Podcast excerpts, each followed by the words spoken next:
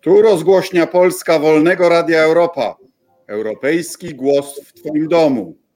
Proszę Państwa, bardzo wiele dzieje się na świecie. Nabrzmiewa rywalizacja między Stanami Zjednoczonymi a Chinami. Rosja gromadzi wojska wokół Ukrainy, a tymczasem Europa w postmodernistycznym błogostanie. Polska ma za sąsiadów Rosję i Ukrainę, czyli kraje, które mogą być w konflikcie. Sytuacja geopolityczna na całym globie zmienia się i pytanie, czy jesteśmy na nią przygotowani. Mam dla Państwa dzisiaj bardzo ciekawych gości, autorów książki pod e, złowrogim tytułem Nadchodzi trzecia wojna światowa. Historyk, pan Piotr Zychowicz, znany z e, książek o powstaniu warszawskim, o polityce wobec Niemiec, i pan e, doktor Jacek Bartosiak, analityk i geopolityk. Witam państw, panów serdecznie. Witam, dobry wieczór. Dzień dobry, witamy. Proszę nam pokazać egzemplarz książki, o której będziemy dzisiaj rozmawiać. Proszę bardzo. Nadchodzi trzecia wojna światowa. Rozumiem, że to um, świadome nawiązanie do wobec nadchodzącej e, wojny światowej e, pana Studnickiego, prawda? Tak, tak. E, to jest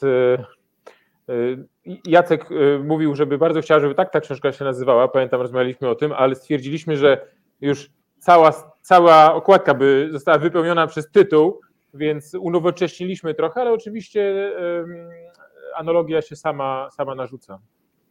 E, państwa, nas oglądających i słuchających serdecznie zapraszam do dyskusji, do zadawania pytań e, nam trzem. Y, ale chcę zacząć od, od sprawy zaszłej. To znaczy, myśmy już rozmawiali o polityce Beka. E, pan Zychowicz napisał obrazoburczą, rewizjonistyczną książkę o tym, jak Beck powinien był się zachować. Od tego czasu ukazała się taka monumentalna biografia Becka.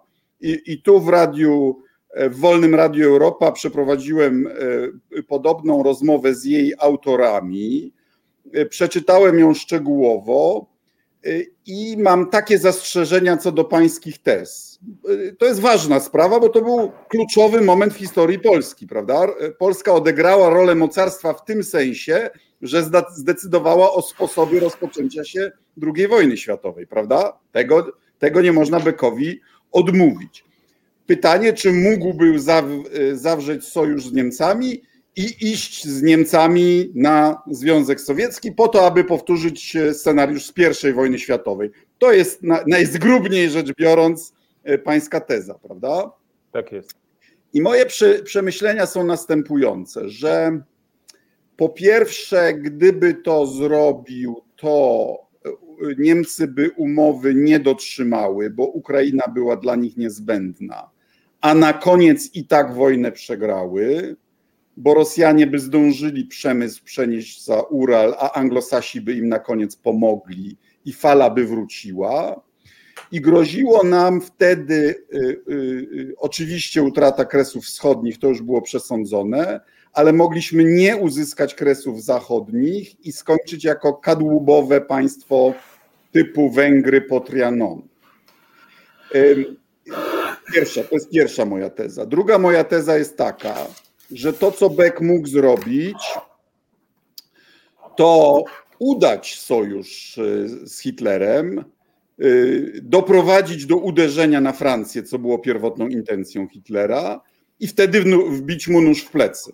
Wtedy się zmobilizować, jak już, jak już Francuzi walczą wbrew swoim, wbrew swoim intencjom. I po trzecie. Myślałem, wbrew swojej naturze. Tak, tak. E, I, po trzecie uważam, że tak czy inaczej główne błędy popełnili Niemcy.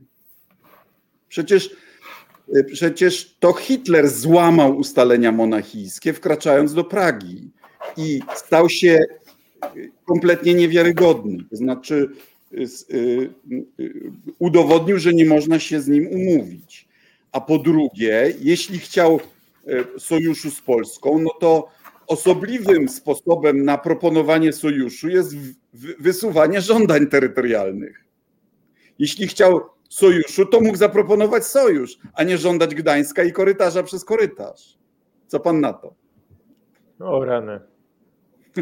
Nie, nie, panie ministrze, no nie chciałbym, żeby y, kwestia paktu Ribbentrop-Beck y, zdominowała naszą rozmowę, więc tak bardzo y, krótko. Gdyby, punkt pierwszy, o czym pan mówił, czyli mm, możliwość, gdyby Polska, aby uniknąć hekatomby, okupacji, zniszczenia państwa w 1939 roku, ustąpiła Niemcom, zgodziła się na te propozycje, o których Pan powiedział, zawarła z nimi sojusz. I mimo to nie zmieniłoby to, co wydaje mi się mało prawdopodobne, w wyniku wojny niemiecko-sowieckiej i Sowieci rzeczywiście by tutaj przyszli, no to rozumiem, że teza jest taka, że wówczas byśmy stracili zarówno ziemię wschodnią i nie dostali rekompensacji, czy jak zwał, tak zwał, w postaci tych terytoriów. Hmm, no, tak zwanych ziem odzyskanych, jak to propaganda komunistyczna Zdoby, Zdobytych, no to, no. no to wtedy, gdyby to była prawda, zdobytych przez tak, Stalina i Berlinga, gdyby to było rzeczywiście teza uprawomocniona, trzeba byłoby znaleźć dokument, że Polska komunistyczna od, dostała Szczecin i Wrocław w nagrodę za to, że Józef Beck w 1939 roku powiedział nie. No i niestety jako historycy nie dysponujemy żadnymi takimi, e, żadnymi takimi dokumentami. Nie, to nie jest które... potrzebne. To nie jest no. potrzebne. Ja się z panem zgadzam, że ustąpienie, że, że ustępstwo w polityce zagranicznej nie jest tym samym, co zwasalizowanie. Tu jest ten błąd, którzy, apologeci e, Beka, e, czy nie, Polska nie mogła ustąpić, bo stałaby się wasalem. Jedno nie wynika natychmiast z drugiego ustępstwa, także terytorialne, mają swoją długą historię w historii państw. E, tak, tak, Kazimierz. Wielki ustąpił krzyżakom, pomoże, pomoże, pomoże Lenin potrafił ustąpić i tak dalej. Ale Polska jako sojusznik Niemiec mogła być znacznie gorzej potraktowana niż jako jednak członek koalicji antyhitlerowskiej. No, ja powiem tak. Państwo tak jak powiedziałem, y, wygląda na to, według tych dokumentów, które znamy, że te, te ziemie, tam Szczecin, zresztą do, do Szczecina sprawy się wahały do końca, jak i tak zwane ziemie odzyskane, nie były rekompensatą za to, że Polacy byli tacy bohaterscy, że wywołali powstanie, że walczyli w 1939 roku z Hitlerem jako pierwsi i tak dalej, i tak dalej, tylko Stalin chciał po prostu przesunąć swoją strefę wpływów jak najdalej na zachód, bo los wschodnich Niemiec jeszcze nie był E, pewny. W związku z tym moim zdaniem nie ma żadnego dowodu na to, że jest jakikolwiek ciąg przyczynowo-skutkowy pomiędzy kształtem terytorialnym Polski komunistycznej po roku 1945 a decyzjami BK w 1939. I to jest ahistoryczne. Moim zdaniem, kiedy mówimy o tym, musimy się skupić na tym, o czym, czyli punkt drugi, i tutaj kompletnie się z panem ministrem zgadzam co do tego, że polityka to jest e, gra elastyczna. I to, co było najważniejsze, to było to, że nie można było pozwolić na to, żeby państwo polskie zostało zniszczone. E, trzeba było za wszelką cenę grać na czas, tak jak wszyscy inni. Cała gra w 1939 roku wszystkich państw europejskich polegała na tym, kto weźmie na siebie pierwsze uderzenie Hitlera. I trzeba było tak działać i tak grać, żeby to uderzenie nie poszło na Polskę. Bo Polska poszła jako pierwsza, prawda, słynny plakat First to Fight, Moim zdaniem Mam go w swoim biurze w Brukseli. No tak, nie ma się, to, to nie da, niech pan zdejmie, bo to nie ma się co e, chwalić, ponieważ Polska powinna być last to fight. Stany Zjednoczone były doskonałym przykładem. Rozsądne państwo wchodzi do wojny ostatnie, a nie jako pierwsze. W związku z tym, e, tak jak pan mówi, to, żebyśmy zgodzili się i to znowu ustępstwa terytorialne to nie jest dobre słowo, ponieważ po pierwsze, wolne miasto Gdańsk nie należało do Polski, tylko było wolnym miastem i było dwa razy bardziej narodowo-socjalistyczne niż sama trzecia Rzesza. W związku z tym to byłoby tylko zamiana stanu faktycznego w prawny, gdybyśmy, gdyby Polska zgodziła się na przyłączenie tego wolnego miasta. No a autostrada, no to, to, to w ogóle budowa czegoś takiego, plan architektoniczny i tak dalej, i tak dalej, to są lata. W związku z tym to byłoby ustępstwo małym kosztem, uzyskalibyśmy olbrzymi zysk w postaci tego, że uderzenie Hitlera poszłoby e, pierwsze na Francję w innym kierunku, a potem to już można byłoby się, by, by się zobaczyło, prawda? Krótko mówiąc, to jakie pretensje dzisiaj e, mają, mam ja czy inni, e, jeśli tak można powiedzieć, za co krytykujemy Beka za jego decyzję w 1939 roku, to jest to, że bardzo, powiedziałbym, podjął bardzo ryzykowną grę i w bardzo lekkomyślny sposób wystawił państwo polskie na szwank w oparciu o gwarancje anglo-francuskie, które okazały, okazały się e, kompletnie. Znaczy nie on, e, cała papierowe. grupa decyzyjna, bo przecież kluczowa narada, narada odbyła się na zamku, y, na zamku w styczniu i to nie tylko on decydował, prawda? No tu jest, to, to, to, to, to otworzylibyśmy dużą dyskusję, ale to nie jest. Ja, ja nie, tak, Mościcki moim zdaniem się specjalnie tymi sprawami nie interesował e, i specjalnie to nie było w gestii jego zainteresowań. No śmigły może tak, ale, ale wydaje mi się, że mimo wszystko, że jednak Beck e, tutaj miał bardzo mocną, rozmawialiśmy zresztą o tym swego Chcę- czasu. chcę przejść do- do- do, do pań, pa- panów argumentu i książki, tylko, em, tylko y, ja nie wiem, czy to, co pan proponuje, było w ogóle wykonalne w tamtych realiach opinii publicznej, bo panowie, tu jest moja uwaga metodologiczna. Panowie e, proponują politykę, która mogła być re, realizowalna w XIX wieku, gdy to jeszcze głowy państw, czasami koronowane, mogły y, prowadzić politykę wedle własnego widzimisię. W, w czasach społeczeństw masowych y, mamy twarde ograniczenia związane z opinią publiczną y, i po prostu pewnych rzeczy, które nawet może byłyby i lo- logiczne, są niewykonalne. Zgoda? Nie, nie, bo po Polska była krajem autorytarnym, to znaczy y, oczywiście no, kochamy drugą Rzeczpospolitą, idealizujemy ją, ale bez przesady. No, to było państwo autorytarne. E, w, w takich państwach y, no, nie, nie musi iść y, przywódca i prowadzić polityki w taki sposób, w jaki rząd, tego sobie lud życzy. No, jakoś wszystkie inne kraje poszły po stronie, nie wiem, Węgry, e, Rumunia, inne państwa naszego regionu prowadziły inną politykę, nie wyszły wcale na tym e, gorzej niż Polska, wprost przeciwnie. No.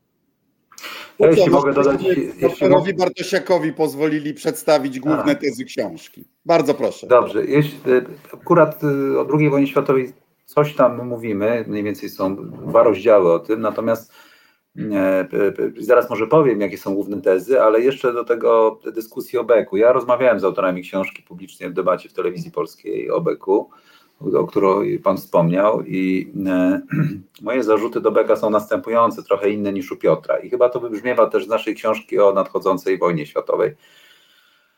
I jedną rzecz powiem taką kontrowersyjną, ale myślę, że dla Pana jako polityka to nie jest kontrowersyjna e, rzecz. E, Mówiłem to historykom, czyli autorom książki, mówiłem to publicznie zresztą kilka razy. Otóż historycy niestety mają tendencję do uzurpowania sobie wiedzy tajemnej, takiej kapłańskiej, jak był przebieg zdarzeń, i bo oni wiedzą lepiej, bo zajrzeli do archiwów. Tylko to jest nieprawda, dlatego że to nie dokumenty czynią historię, tylko percepcja w głowie danego polityka sił w danym momencie. To jest prawdziwa historia i prawdziwa decyzja. A tego dokumenty nie oddają. Mogą wskazywać na niektóre rzeczy, ale nie oddają. Na przykład nie wiemy, jak się dokładnie było z Lwowem, Wilnem, a nawet e, kró- królewcem, poza krótką rozmową Churchilla ze Stalinem w Teheranie. Więc to jest, to nie o to w ogóle chodzi. Układ sił decyduje, który jest percepowany w głowie, tak? I on może być nawet źle poznawczo percepowany. Zatem Beck obiektywnie popełnił błąd, bo wszedł do wojny, którą przegrał. Teraz można powiedzieć, zapytać, czy ten błąd był do uniknięcia, albo czy można było go inaczej rozłożyć. Znaczy, możemy zacząć niuansować, czy były te skutki do przewidzenia, bo II wojna światowa była bardzo szczególną wojną. Bardzo Znaczy, szczególną wojną. kluczowym momentem było oczywiście przyjęcie gwarancji I brytyjskiej. to był błąd. W tym momencie to był błąd, dlatego że, Na dlatego, moment. że Brytyjczycy w, w momencie przyjęcia gwarancji brytyjskich w marcu staliśmy się przedmiotem polityki europejskiej, a byliśmy półpodmiotem. E, Beck nie docenił tego, że geopolityka jest znacznie silniejsza niż ideologia. E, Dwójka nasza uważała, że Sowieci się nie mogą dogadać z Niemcami. Oraz, że Anglosaci się, znaczy, że klęska Anglosaci się nie będą dogadać z Rosjanami. Znaczy klęska ideologiczna. Bardzo Tak. podobne elity eksperckie myślą teraz w Polsce na temat ewentualnych porozumień amerykańsko-rosyjskich, tak swoją drogą. Mamy powtarzalny mechanizm, bo to są mapy mentalne, tak, nasze, tak, wiara w wolny świat i takie tam rzeczy.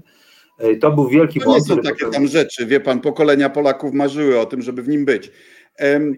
Ale z punktu widzenia Beka, oni już na tej naradzie w styczniu zdecydowali, że walczymy, nawet samotnie. W tym sensie dla nich gwarancje brytyjskie były czystą wartością dodaną. Ostatnie zdanie powiem, żeby nie zmonopolizować tego wątku, chociaż on jest ważny dla historii Polski. Ja bym to inaczej rozegrał, tylko wydaje mi się, że państwo było za słabe i być może Beck widział, że państwo jest za słabe. Otóż on potrzebował całego aparatu, dowódców wojskowych, dyplomacji i powinien zagrać na tak zwany strategic ambiguity. Wysłać ludzi do Moskwy, do Berlina, do Paryża, do Londynu i wszędzie indziej i wszystkim jak lis mylić tropy, że nie wiadomo, co Polska zrobi. I odmówić gwarancji bezpieczeństwa tak długo, jak się da, po to, żebyśmy byli do końca przy stole negocjacyjnym.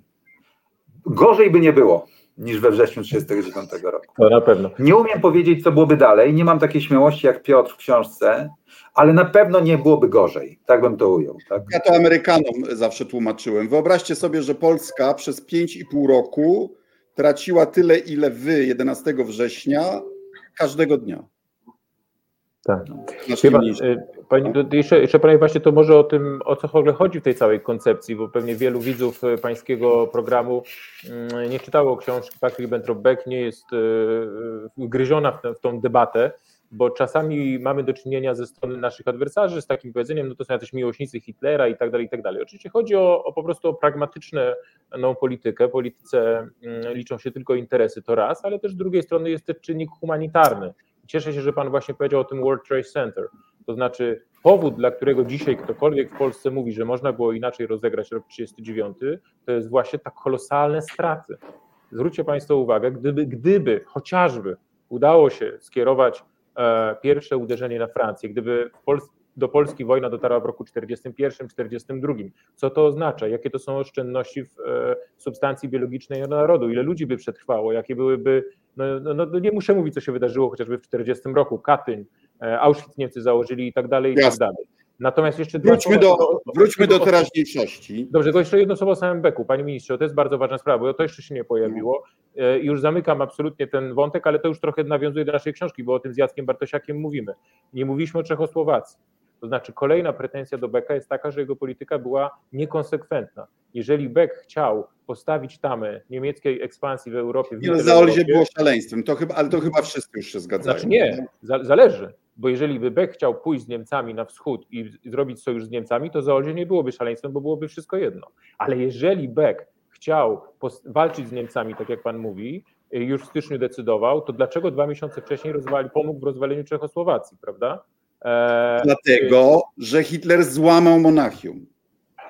Dobrze, krótko mówiąc, fakty, Jacek stawia na, mówi o faktach. Fakty są takie, że wystarczy spojrzeć na mapę. Po rozczłonkowaniu Czechosłowacji, do której niestety Polska przyłożyła rękę, Niemcy otaczali nas z północy, z Prus Wschodnich, z zachodu z Rzeszy i z południa z Czech i ze Słowacji. Z trzech stron, Wojna, tak jak, I mieli tak operacyjną dzisiaj, tam na Tak jak dzisiaj Rosja otacza Ukrainę, prawda? Tak, i, i, i panowie, to na czym polega problem? My mówimy o polityce, Jacek mówi o, o, o mapach mentalnych, ja mówię o konkretnych decyzjach, ale jeszcze zapominamy, że wojna to jest głównie wojna, to znaczy z militarnego punktu widzenia wojna z Niemcami po rozbiciu Czechosłowacji w 1939 roku nie miała żadnego sensu. To nie mogło się wydarzyć, bo to była nawet... wojna, która nie mogła być e, zwycięska, już nie mówiąc o czynniku sowieckim, który się Przy innym rozlokowaniu naszych sił e, i przy lepszej łączności mogliśmy wygrać jedną bitwę, pokonać ich na jednym z tych trzech kierunków i wtedy psychologia może by się trochę zmieniła. Ale panowie, wracamy, wracamy do książki. Dobra, tak jest. E, Teraz to. Nikt nie wątpi, że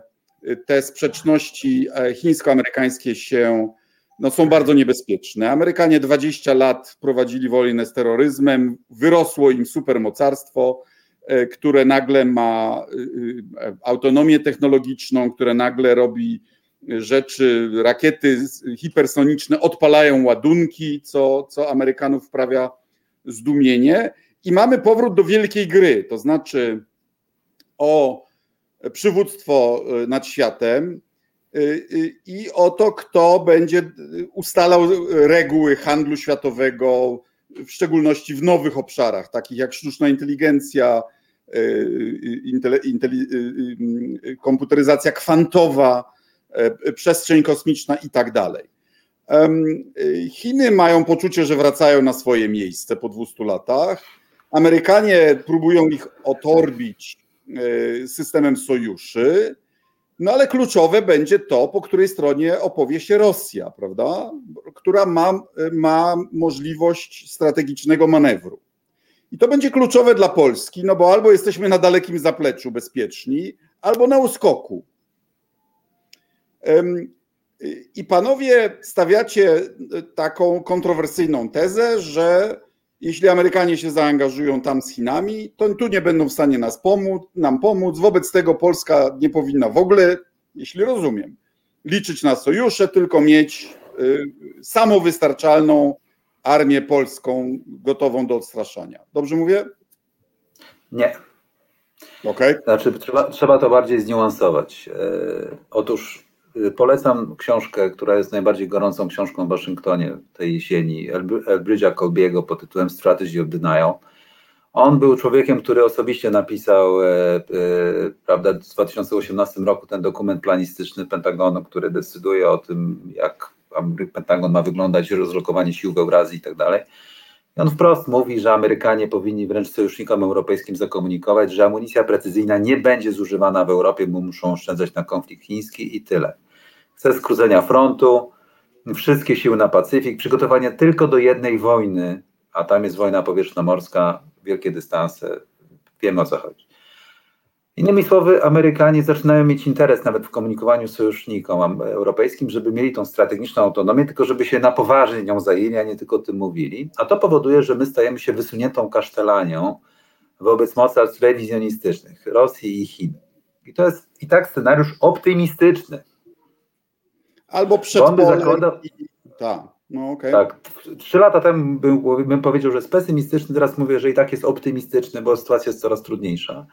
Dlatego, że e, to by oznaczało po pierwsze, że, Europy, że Stany Zjednoczone wciąż mają wolę jednak pomagać enablersami, tak zwanymi by enablers, jakość utrzymywania architektury bezpieczeństwa w Europie i próby negocjowania z Rosją tej przestrzeni strategicznej poprzez wzmocnienie sojuszników w bilateralnych sojuszach w systemie hub and spoke, tak, czyli w systemie takim węzłowatym, już bardziej bilateralnym, bo NATO ewoluuje, przestaje być kolektywnym sojuszem, poza oczywiście Iwan, Ja bym proponował używać mniej hermetycznego języka, tak żeby nasi czytelnicy mogli sobie sami zdanie...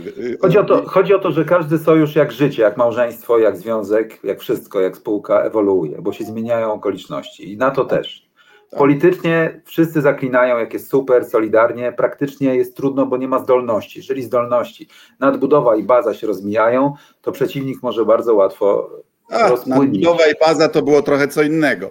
To no, była mniej więcej baza ludzie, materialna i nadbudowa ideologii, ideologiczna. No ale co mniej więcej, bo tu są słowa, a tu są konkretnie materialne podstawy tych słów i, i na to się rozchodzi. To powoduje, że Amerykanie to widzą, bo, bo i zaczynają się tym irytować, dlatego że sami już transformują się w kierunku wojny nowej generacji, w kierunku e, rewolucji spraw wojskowych. Tak, czyli było de facto od zawsze, że Amerykanie. No, zgoda, zgoda. zgoda ale teraz że Europejczycy nie dość poważnie traktują swoje własne bezpieczeństwo. No tak, tylko że za czasów sowieckich... było inaczej. Ale, czasów, ale rachunek geostrategiczny się zmienił, bo za czasów sowieckich Amerykanie musieli być jako zakładnicy tutaj po to, żeby wiązać Europejczyków, żeby oni czasem nie dealowali z Sowietami, to teraz Chiny są wyzwaniem i Amerykanie nie muszą być tu obecni. I jeszcze nie mają siły na to. I to zmienia rachunek geostrategiczny dla tak, państwa polskiego. To jest kluczowa informacja, prawda? Amerykanie oficjalnie już jakiś czas temu odeszli od doktryny zdolności do tak. dwóch wojen jednocześnie. Po prostu nie są do tego zdolni, prawda? Nie są zdolni i już nawet oficjalnie to komunikują. Wydaje mi się, że elity państwa polskiego, a przynajmniej obecnie rządzący, i tu mówię to publicznie, nie, widz, nie widziały tego. No może zaczęły widzieć to teraz, latem tego roku 2021, w kontekście decyzji o Nord Streamie. I zaczyna się jakieś otrzeźwienie, tak? No i, i sposobu wycofania się z Afganistanu, prawda? I, i, i negocjacji New Start i tak dalej, i tak dalej. Przy czym to, żeby też e, trochę ich usprawiedliwić, ale Europa nie ma realnych zdolności wojskowych więc tak na koniec dnia i tak są tylko Amerykanie, którzy i tak odchodzą i są coraz słabsi. W związku z tym jedyną odpowiedzią jest próba własnego tworzenia zdolności. Na szczęście mamy zmianę charakteru wojny. Wojna jest bardziej nowej generacji, gdzie punktem ciężkości jest system pętli decyzyjnej, prawda, cały ten network spinający efektory, decyzje, Dobra, prawda? Bo tak... Teraz stracił pan połowę naszych widzów, jak pan mówi o pętlach i Mam nadzieję, że nie. Bo... Bardzo proszę mówić. Nie. Wojna, wojna ja może tak, dla widzów. Już kończę, Piotrze, przepraszam, bo za dużo o tym mówię, ale wojna zmieniła się bardziej, charakter wojny, natura jest taka sama, ale charakter wojny, przebieg zmienił się bardziej między pierwszą Zatoką Perską w 1991 roku, a teraz okresem, niż między drugą wojną światową a Zatoką Perską.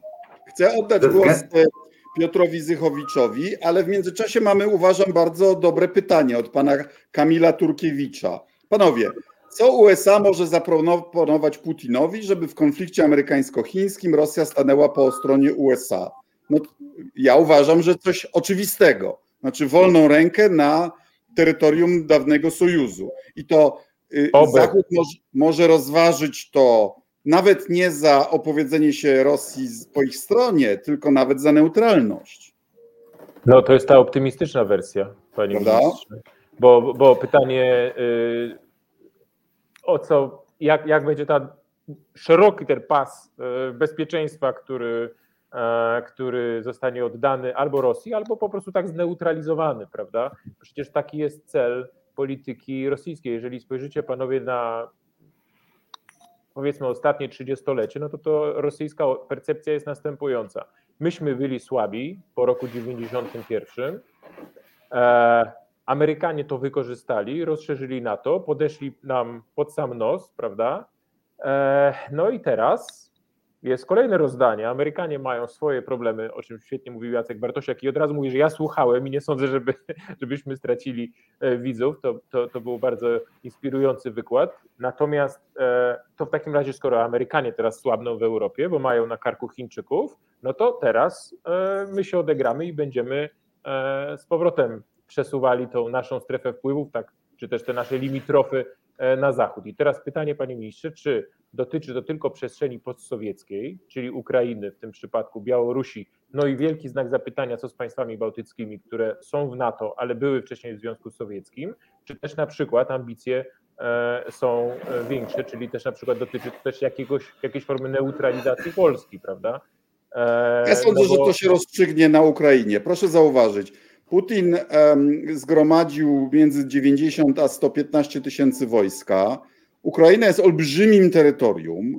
Jeśli Ukraińcy będą walczyć, to to jest, to, to jest daleko niewystarczająca siła, żeby y, ich najpierw pokonać, a potem okupować. Y, za taką operację Putin zapłaciłby olbrzymią cenę.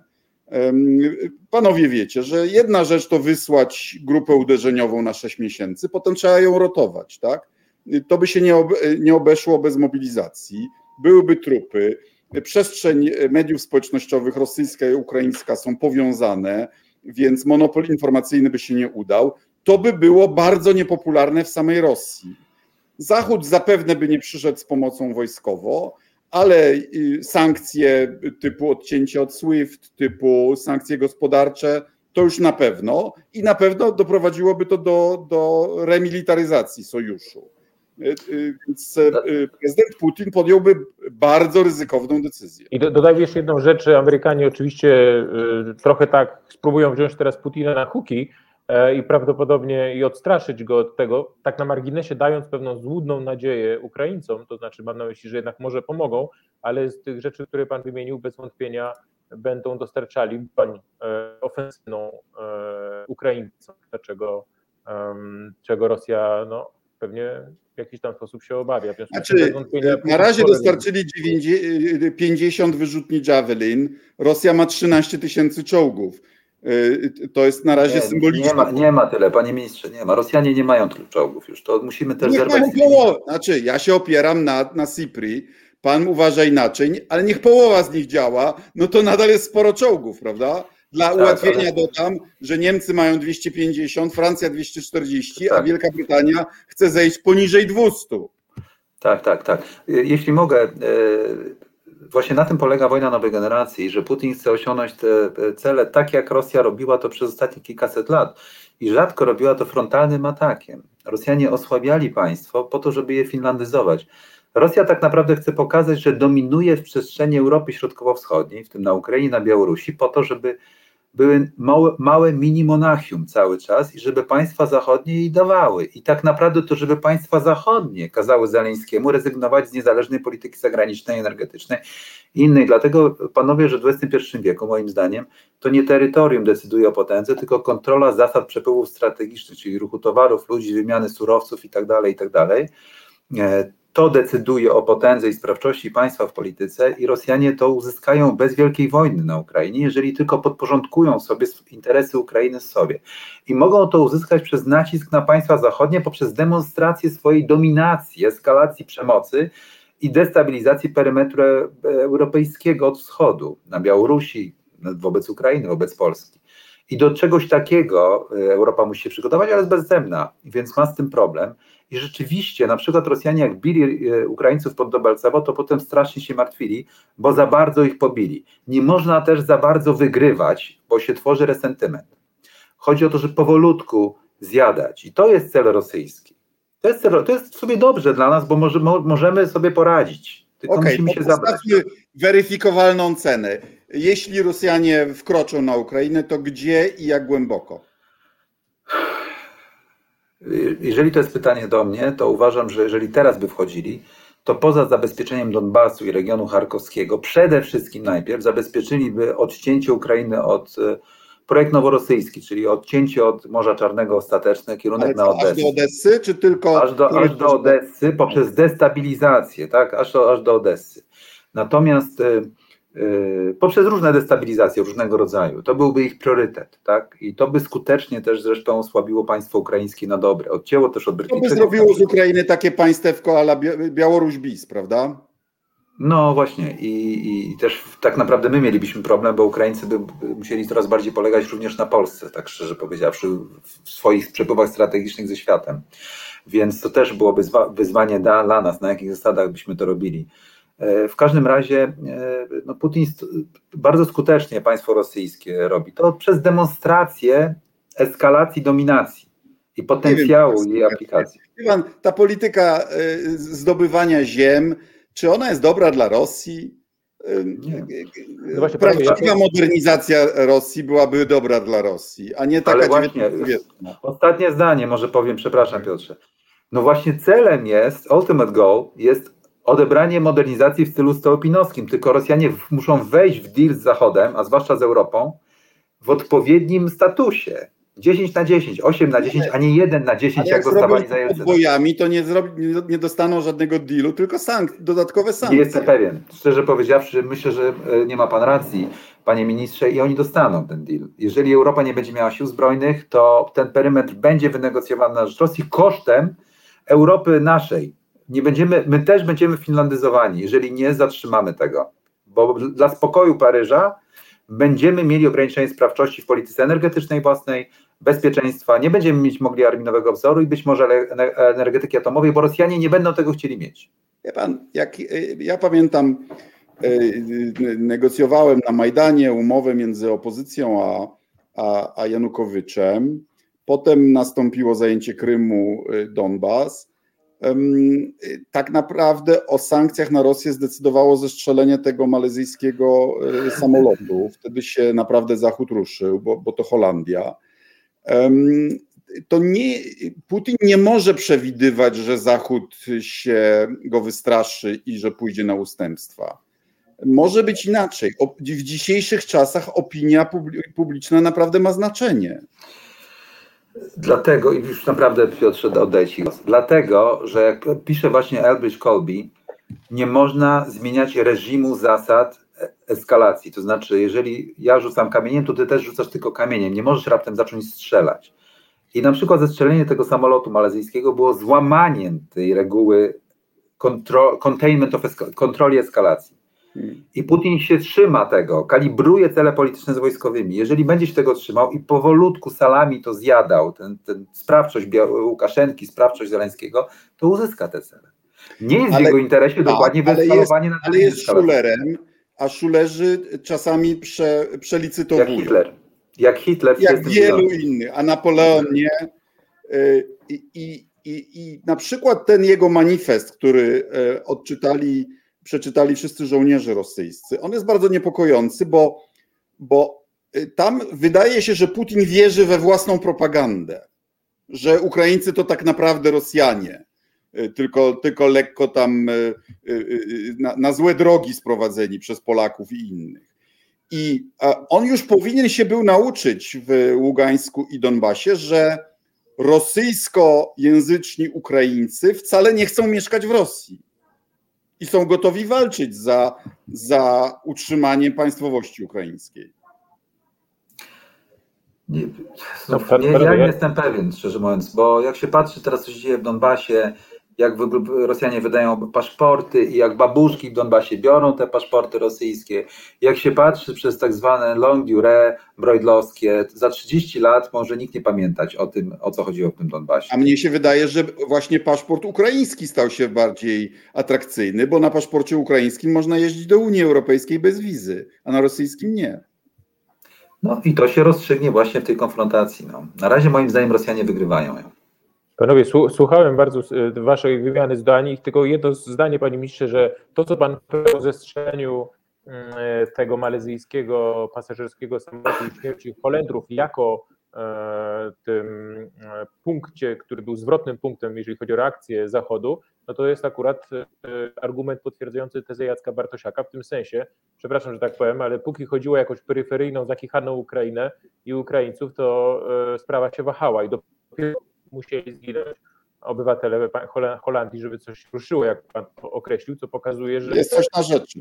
Że, jeżeli Putin nie popełni tego typu błędu, a powie sobie, był po prostu drzwi do ręki, mam na myśli systemy, to Bóg był, tak, e, którymi, którymi to zestrzelono, no może, może będą próbowali tego uniknąć. Natomiast dwa słowa jeszcze a propos tego, co mówił pan minister i, co mówiliście panowie o o tym, jakie są cele rosyjskie. To, I to jest pytanie, o co toczy się stawka? Toczy się stawka o kawałek Ukrainy? No to tak, oczywiście, no to, no to, no to można sobie robić jakąś tam inwazję, ale pamiętajcie że jeżeli rzeczywiście było doszło do inwazji, jeżeli rzeczywiście wschodnia Ukraina rosyjskojęzyczna zostałaby odcięta, to ta zachodnia część, bo o tym nie mówiliśmy, co zostanie, prawda, to ten ogryzek będzie najbardziej antyrosyjskim, zaciekłym, prozachodnim kawałkiem Europy. I e, Rosja straci to na zawsze. Mam nadzieję, że e, nikomu u nas nie wpadnie do głowy, żeby robić za Olzie bis, tak jak nam no. proponował e, Żyrynowski, Żyrynowski na piśmie, tak. jako, jako, jako zastępca szefa Dumy. Ale wracając do tej globalnej układanki. Tylko jedno słowo, panie ministrze, to, to wracając do faktu Ribbentrop-Beck, bo pamiętam, że wtedy, kiedy Żyrynowski nam to zaproponował, pan powiedział, że być może czytał moją książkę, bo to też e, bo, pamięta pan, tak było, trochę taki było pół żartem to wtedy, no, że tutaj właśnie nam e, Putin proponuje udział w rozbiorze Ukrainy, ale oczywiście, drodzy Państwo, to mówię teraz do widzów, to musielibyśmy już na głowę, żeby, żeby na coś takiego e, się decydować Panowie, mamy, mamy konkretne pytanie od słuchacza. Pan Mateusz Brzozowski pyta, jak wobec tego Polska powinna się zachować wobec hipotetycznego ataku Rosji na Ukrainę? To ja, powiedzieć, to ja jednym słowem, to znaczy, e, nie wiem, czy zwrócili panowie, panowie uwagę, że były pewne przecieki w mediach, jakieś, to chyba Onet pisał dosłownie e, e, dni temu, że amerykańska wysłanniczka Departamentu Stanu tutaj namawiała e, premiera Morawieckiego, uwaga do tego, żeby montował koalicję i teraz drodzy Państwo posłuchajcie, złożoną z Polaków, państw bałtyckich, Brytyjczyków i innych krajów e, unijnych po to, żeby powstrzymać agresję Rosji wobec e, Ukrainy. Kiedy ja słyszę o tym, że Anglosasi montują koalicję z udziałem Polski, żeby kogoś powstrzymywać, no to oczywiście trochę dobrze, że Pan rozpoczął od tego 39 roku, bo to jest dobra analogia, to mi się też to przypomina wtedy. E, I gdybym ja był na miejscu naszych rządzących, to powiedział, owszem, kochani Amerykanie, ale wy przodem. E, najpierw wy pokażcie, co chcecie zrobić dla Ukrainy, co możecie zrobić, a dopiero potem my będziemy, e, my będziemy działać, bo nie chciałbym, żeby Polska znowu miała być zderzakiem, tak jak staliśmy się w efekcie przyjęcia brytyjskich gwarancji w marcu, kwietniu 1939 roku zderzakiem, na który, które wzięło na siebie pierwsze uderzenie Hitlera, Re, reakcja, pierwsze uderzenie Putina.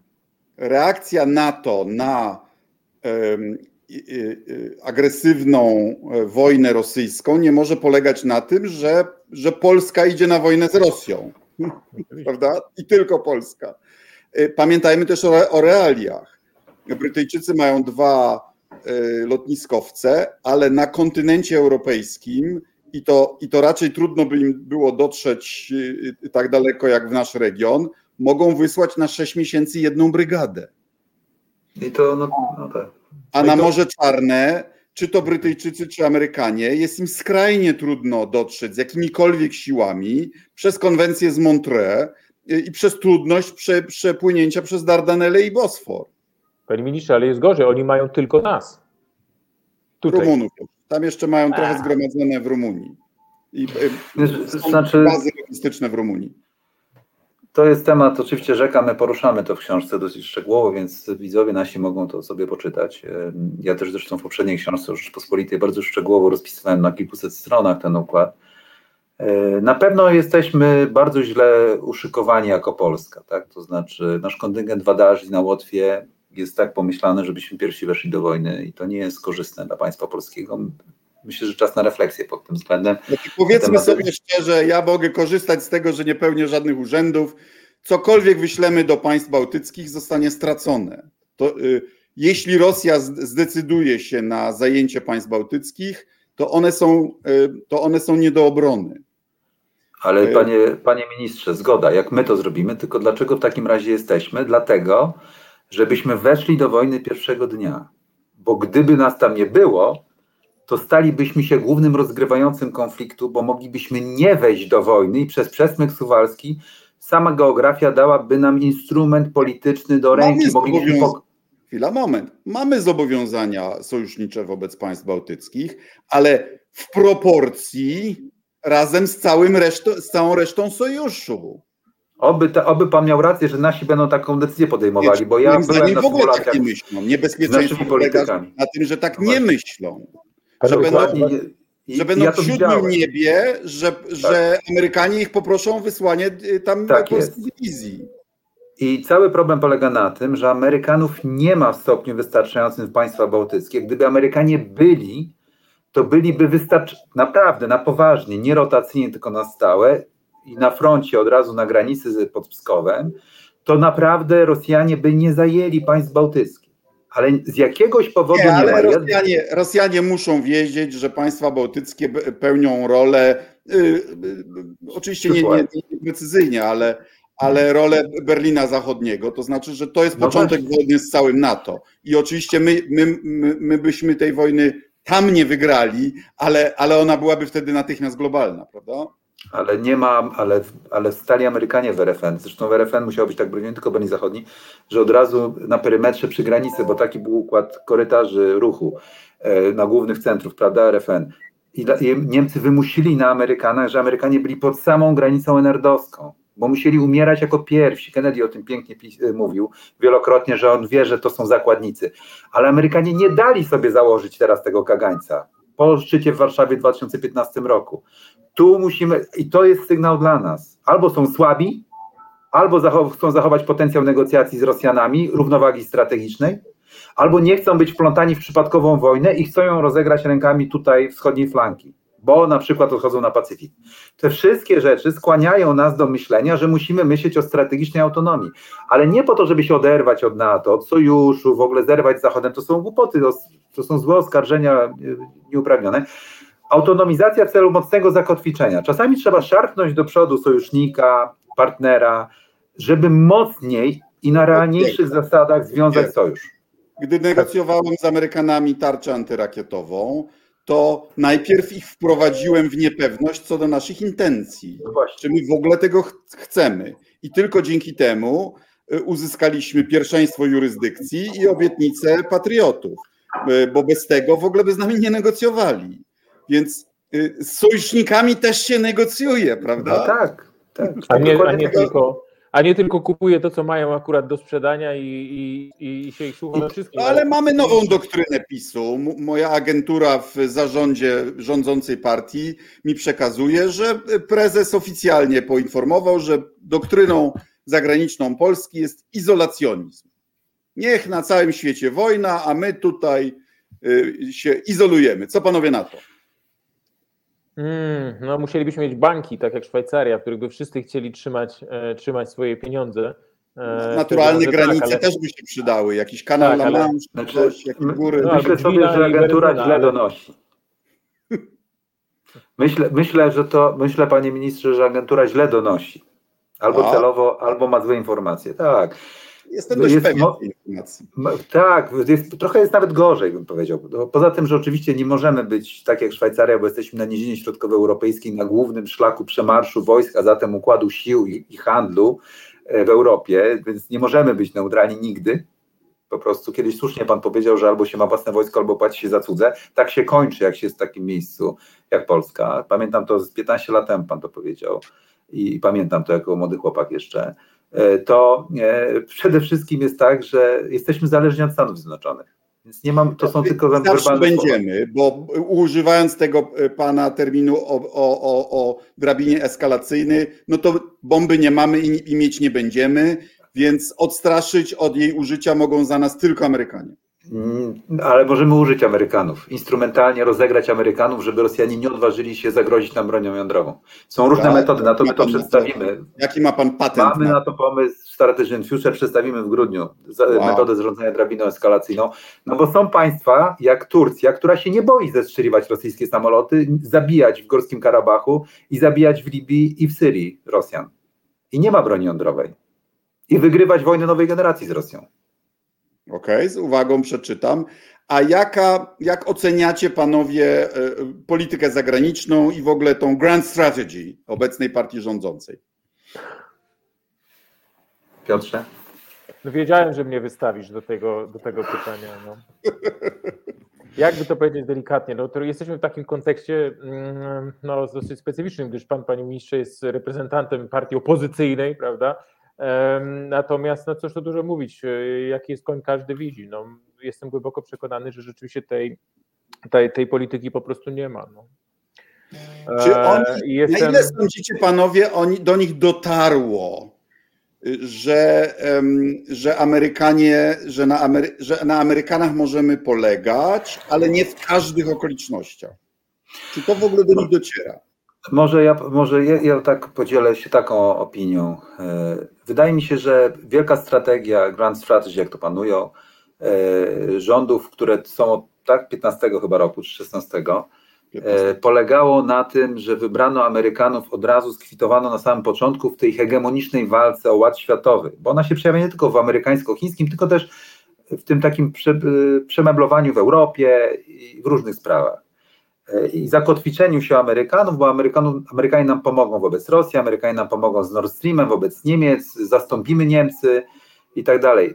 To nie mogło się udać. Izrael nad, Izrael nad Wisłą, specjalny to, to mo- Tak, to się nie mogło udać, dlatego że ja to o tym mówiłem, więc to nie jest pierwszy raz, to mówię, bo nie chcę być też posądzany o jakieś polityczne sympatie, bo chcę pozostać no. poza tym, szczerze mówiąc. E, korzystam sobie z tego, że jest Pan e, moim rozmówcą, Panie Ministrze, i to, to jak gdyby poczytuję sobie za okazję, żeby to powiedzieć. I e, to był błąd, dlatego że i ten błąd wynika, i, i jeszcze moim zdaniem spora część środowiska rządzącego nie zrozumiała, że to był błąd uważają, że to, że Amerykanie podejmują decyzje niezgodne z wielką strategią ich właśnie obecnego rządu w Warszawie, wynika tylko z wolitywnej strony amerykańskiej, bo Biden jest stary, bo jest demokratą i tak dalej. Podczas gdy ja uważam, że to jest strukturalne napięcie już w polityce amerykańskiej. Muszą stawiać na Niemcy, bo potrzebują Niemców w rozgrywce z Chinami, a i tak jest, będzie im ciężko Niemców namówić na to. E, I to jest. Wie pan, to, jest nawet prost, to jest nawet prostsze za każdym razem, jak Polska zmusza Stany Zjednoczone do wyboru między Polską a Niemcami, to wiadomo, jak wybiorą. Y, I, i, i no, ja powiem jeszcze więcej. Oczywiście. Ja, ja, ja, ja powiem jeszcze, jeszcze Jacku, tylko mogę Ci powiedzieć to taką ciekawą historyczną analogię tutaj bym, bym rzucił panowie. Zwróćcie prawie uwagę, że to jest zawsze no, pewne jest takie prawiło w tej naszej części Europy Środkowo-Wschodniej, że jeżeli Amerykanie idą przeciwko Rosji, to potrzebują Niemców, prawda? Jak idą przeciwko Niemcom, to potrzebują Rosjan. Krótko mówiąc, i zawsze, kiedy jest z jednej strony interes Polski albo drugiego sojusznika, no to wybiorą tego silniejszego. Zwróćcie uwagę, panowie, że cały problem polityki Sikorskiego i Mikołajczyka w roku 43, czy 44, czy 42 polegał na niezrozumieniu tej zasadniczej sprawy że anglosasi walcząc z Niemcami zawsze wybiorą silniejszego.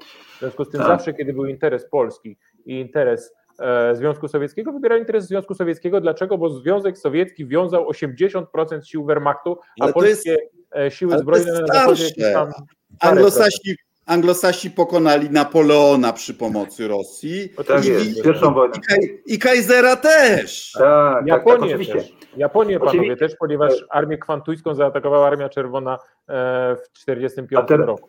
A teraz jest jeszcze bardziej t- trudne i łatwiejsze jednocześnie, i zaraz to wytłumaczę. Otóż teraz Amerykanie potrzebują Niemców nie do siły wojskowej, tam, tylko muszą przekonać, żeby Niemcy nie zagrali w coraz bardziej chińskim łańcuchu wartości w zglobalizowanym kapitalizmie. To jest bardziej I, skomplikowane. To jest i, bardziej i, a Polska się nie liczy, Polska się nie liczy w tej grze. A, a, a, tu mam uprzywilejowaną wiedzę. Jestem autorem głównego dokumentu strategicznego przyjętego przez cały Parlament Europejski unijnej polityki wobec Chin. I e, wynikiem y, tych przemyśleń tych starań jest powołanie Rady do Spraw Handlu i Technologii. To jest bardzo ważna e, rzecz. To jest nawiązanie do Kokomu e, za czasów zimnej wojny. Tam będą się e, w dialogu Stany Zjednoczone, Unia Europejska będą decyzje o przepływach te, technologii, handlu, inwestycji w te i we w te i standardów najróżniejszych. I Niemcy oczywiście są największym krajem Unii Europejskiej, ale tak naprawdę Amerykanie potrzebują całej Unii Europejskiej, bo dopiero cała Unia jest mocarstwem regulacyjnym, a tego potrzebują w ich Tak. konfrontacji z Chinami. Zgoda. Unia będzie tutaj nie bez znaczenia. Właśnie i o to chodzi. I w tym rachunku nasi tego nie zrozumieli, że tu nie chodzi o czyste wojskowe rzeczy i nie Rosja jest głównym obiektem tej gry, tylko Chiny. I Niemcy są tym bardziej potrzebni, a Polska jest nikim w tej grze. Nikim. Polska jest, jest, jest kimś jako wpływowy kraj Unii Europejskiej. Ale kraj, musiałaby zacząć grać w balansowanie, na przykład wspierać Niemcy przeciwko domi- jakiejś dominacji w pewnych sektorach Francji. Dlatego mówiliśmy z Piotrem w, tym, w tej książce, że gdy jesienią nagrywaliśmy naszą rozmowę, jesienią dokładnie rok temu, że w kontekście tego, co e, minister obrony Niemiec, AKK, zaproponowała nowy deal z Amerykanami, prawda, że jest parasol atomowy, my akceptujemy wasz seniorat, ale pozwólcie nam trochę się bardziej rządzić. Uważam, że polski rząd powinien wy, wy, pojechać do Berlina i na poważnie porozmawiać, przede Tak. wszystkim demonstrując, że wiemy, co się dzieje. Nie zostajemy w starych kalkach mentalnych. Unia obron, dla obronności to jest po pierwsze w polskim interesie, po drugie to jest nasz bilet wstępu do grupy trzymającej władzę w Unii. Przy czym należało, przepraszam, że tylko powiem, to jest bardzo ważne, bo nie chciałbym być źle zrozumiany, przepraszam Piotrze.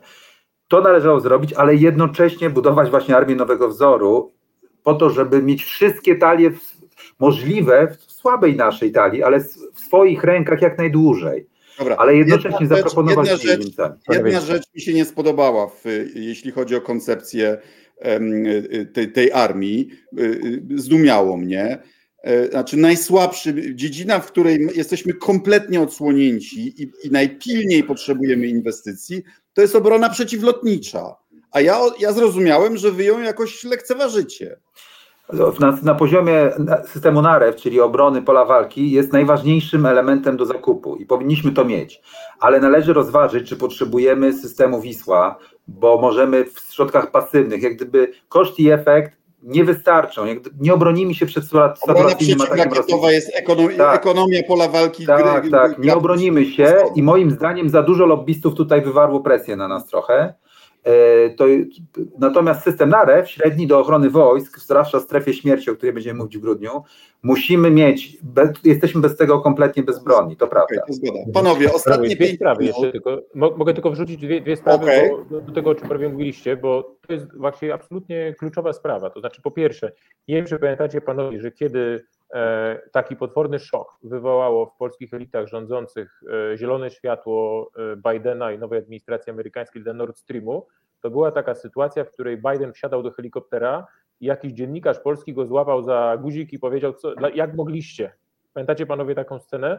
Biden się odwrócił i powiedział, no jak to, zgodziliśmy się na ten, e, na Nord Stream 2, ponieważ nie chcieliśmy e, psuć sobie relacji z Europejczykami. I ja wiem, że to było kompletnym szokiem w Warszawie, to znaczy jak to? Bo Europa dla Amerykanów to są Niemcy.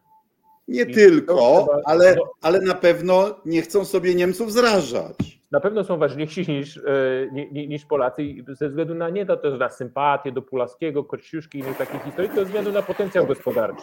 To jest Dobra. pierwsza sprawa. I teraz już chcę zamknąć tylko ten temat, żeby powiedzieć, bo pytał Pan o politykę. Dla mnie, jeżeli chodzi o polską politykę, to polska polityka też jest skomplikowana, trudne miejsce i tak dalej, i tak dalej, ale jest jedno zasadnicze prawo polskie, geopolityczne, polityczne, którego nie można lekceważyć. Mówi o tym Piłsudski, e, Dmowski, ja to zawsze powtarzam. Polska nie może mieć złych stosunków jednocześnie z Rosją i z Niemcami, ponieważ to jest pierwszy, to, no to, to jest finis Polonie.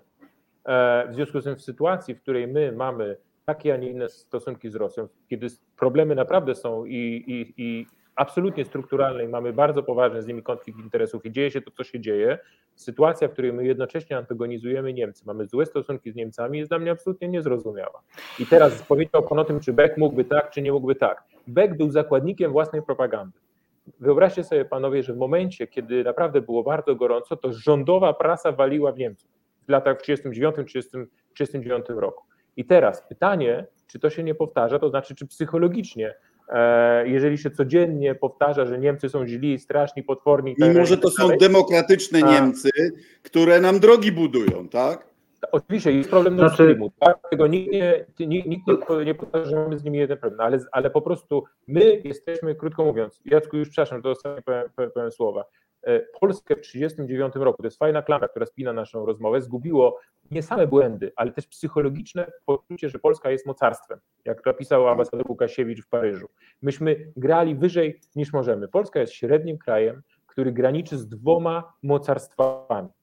Zawsze tak było i zawsze tak będzie. Nie zmienimy tego. No, I teraz sytuacja, Nie było tak zawsze, średnie, Piotrze. no, Było, było. No, nie, nie, ale chodzi mi wiadomo, wie, czasy Wielkiej Rzeczpospolitej, kiedy Niemcy się nie Mm. liczyli, byli rozbici, a ja mam na myśli ostatnie... Terytorialnie ostatnie- wielki. W sensie, w, 200, w sensie e, e, siły fiskalnej zawsze byliśmy dość słabi. Panowie, ostatnie pięć minut proponuję zakończyć w ten sposób. Jeden z panów jest ministrem spraw zagranicznych, drugi ministrem obrony. Wybierzcie sobie. Zdo, y, y, dostajecie nominację. Pierwsze decyzje. No, pa- pan, pan piastował kiedyś ale ja muszę powiedzieć, że mam nadzieję, że, że, że nie będziemy nigdy musieli podjąć takiej decyzji. Co do siebie jestem pewien, że ale nie będę musiał, ale co do Jacka nie, nie jestem przekonany. E, Być może, być może tak, więc może pierwszy Jacek Bartosiak odpowie na to pytanie. Jest pan ministrem obrony. Załóżmy, że jestem ministrem obrony w rządzie premiera Kaczyńskiego, to idę do niego i mówię mu tak, Jarosławie, bardzo cię proszę, żebyś uszczelnił kierownictwo państwa polskiego i wybierz, nie wiem, pięciu ministrów, czy, i tylko tu się naradzamy i ustalamy zasady wielkiej strategii Rzeczypospolitej. Służby nas ochraniają i są wierne Rzeczypospolitej i kierownictwu państwa polskiego.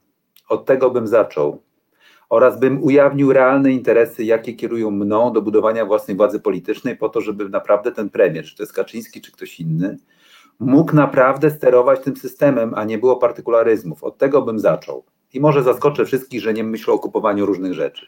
A drugie oczywiście, tylko tu jestem jak Katon starszy, który mówi o tej Kartaginie, bo bym mówił, bym zrobił armię nowego wzoru i nawet zaorałbym rzeczy, które się nie zgadzają z tym, żeby miała powstać armia nowego wzoru. W tym zaorałbym utrwalone interesy, zaorałbym nawet przemysł zbrojeniowy, który nie umiałby się dostosować do zasad nowego przemysłu, nowoczesnego przyszłości i bym chciał tylko mieć wystarczającą władzę polityczną, żebym mógł pokonać te utrwalone interesy partykularne, które wiszą na Rzeczpospolitej i zabierają nam pieniądze z podatków i y, powodują, że jesteśmy po prostu z gliny, tak?